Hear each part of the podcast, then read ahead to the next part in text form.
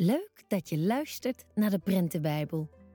De Bijbelverhalen zijn geschreven door Sylvia van den Heden en voorgelezen door Peggy Vrijens.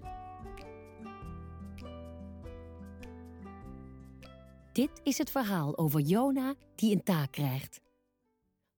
God zegt tegen Jona: Ga naar de grote stad Nineveh. De mensen daar doen slechte dingen. Ik wil dat je hun dat zegt. Daar heeft Jona geen zin in. Hij stapt op een boot die de andere kant op gaat. God stuurt een storm. De zeelui zijn doodsbang. Hun boot zal vergaan. Jona zegt: Het is mijn schuld.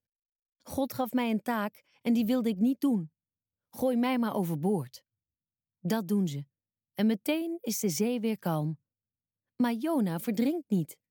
God stuurt een grote vis. Die slokt Jona op.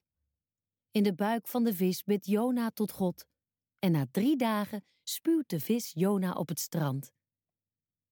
Weer zegt God tegen Jona: Ga naar de grote stad Nineveh. Zeg de mensen daar wat ik tegen je zeg. Nu doet Jona wel wat hij moet doen. Nog veertig dagen en God zal jullie stad verwoesten, zegt hij. De mensen van Nineveh luisteren naar hem. Ze hebben erg veel spijt.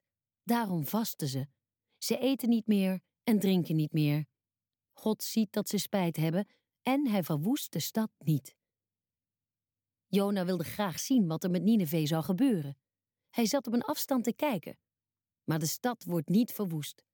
Jona wordt boos op God. Zie je wel, u bent veel te goed. U vergeeft altijd maar. Daarom wilde ik die taak niet.